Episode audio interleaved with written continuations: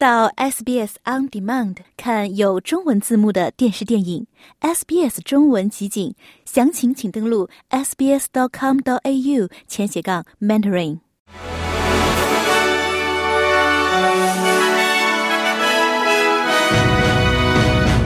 听众朋友们，下午好，我是 SBS 记者秋实。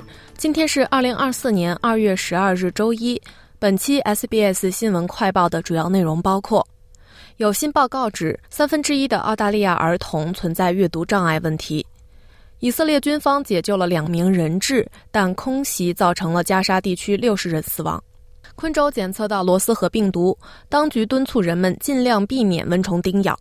在去年十月刷新马拉松世界纪录的运动员基普图姆不幸去世。接下来，请收听新闻的详细内容。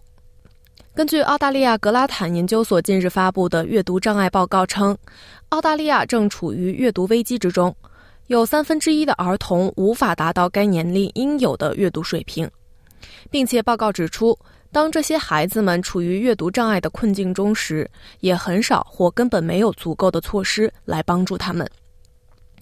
报告称，澳大利亚需要采取一种全国性的、系统性的方法来解决澳大利亚学校在指导孩子们阅读时的问题，并对已经在阅读方面落后的学生进行补救。格拉坦研究所教育项目主任亨特表示，落后的阅读能力会导致学生成绩倒退或过早离开学校的恶性循环。亨特博士说，越来越多的证据表明。沿用自二十世纪七十年代以来高等学府普遍推崇的全语言教学法，并不适用于多数孩子。这种教学法导致了孩子们只能靠猜测来理解单词的含义，导致了学生终身的阅读、拼写和理解能力的不足。该报告建议采纳基于儿童学习机制科学研究的结构化读写教学法，例如自然拼读等策略。报告说。若采用此方法，至少有百分之九十的学生可以提升至熟练的阅读水平。以色列军方表示，特种部队在拉法南部地区的一次突袭解救了两名人质。这两名男子在十月七日冲突爆发时，在尼尔扎伊克基布茨被哈马斯绑架。目前他们的状况良好，已被送往了以色列的一家医疗中心救治。以色列军方说。这两名男子当时被关押在一栋建筑物的二楼，在突袭行动激烈的交火中，这栋建筑物被一枚炸药炸毁。同时，今天清晨，以色列对加沙南部城市拉法进行了一系列空袭，造成了六十人死亡。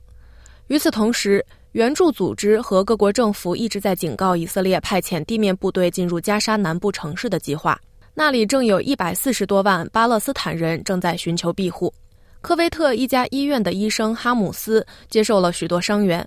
他说：“这家医院的能力正在逐渐被耗尽。”他表示：“我们正在接受伤员，并将他们送往欧洲的医院。我希望欧洲的医院仍然能够接受受伤的人。但是如果医院没有能力或资源短缺，那么即使这些病人被送往医院，他们也会因为没有足够的医疗条件而死亡。”昆士兰卫生部门警告称。由于蚊虫叮咬带来的疾病传播风险正在上升，在全州范围内，昆士兰已经在三十一只被捕获的蚊子中发现了罗斯河病毒。预计本月底将有数千名昆士兰人被感染。罗斯河病毒将由携带病毒的蚊子通过叮咬的方式传播给人类，进而引发病毒性疾病。患者通常会如感冒般不适，并伴随关节疼痛。目前，昆州尚未发现人类病例，但罗斯河病毒的潜伏期为两周。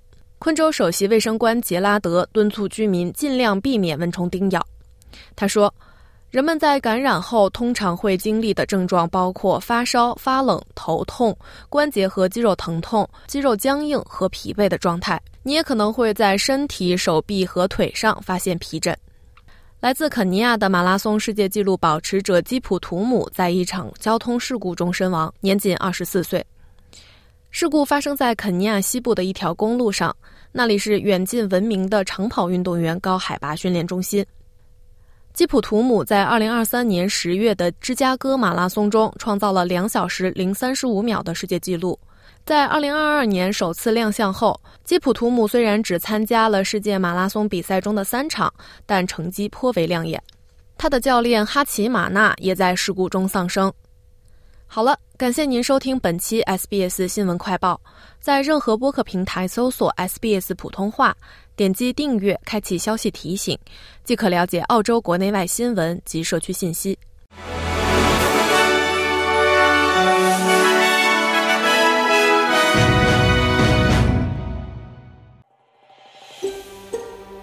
想听到更多这样的故事吗？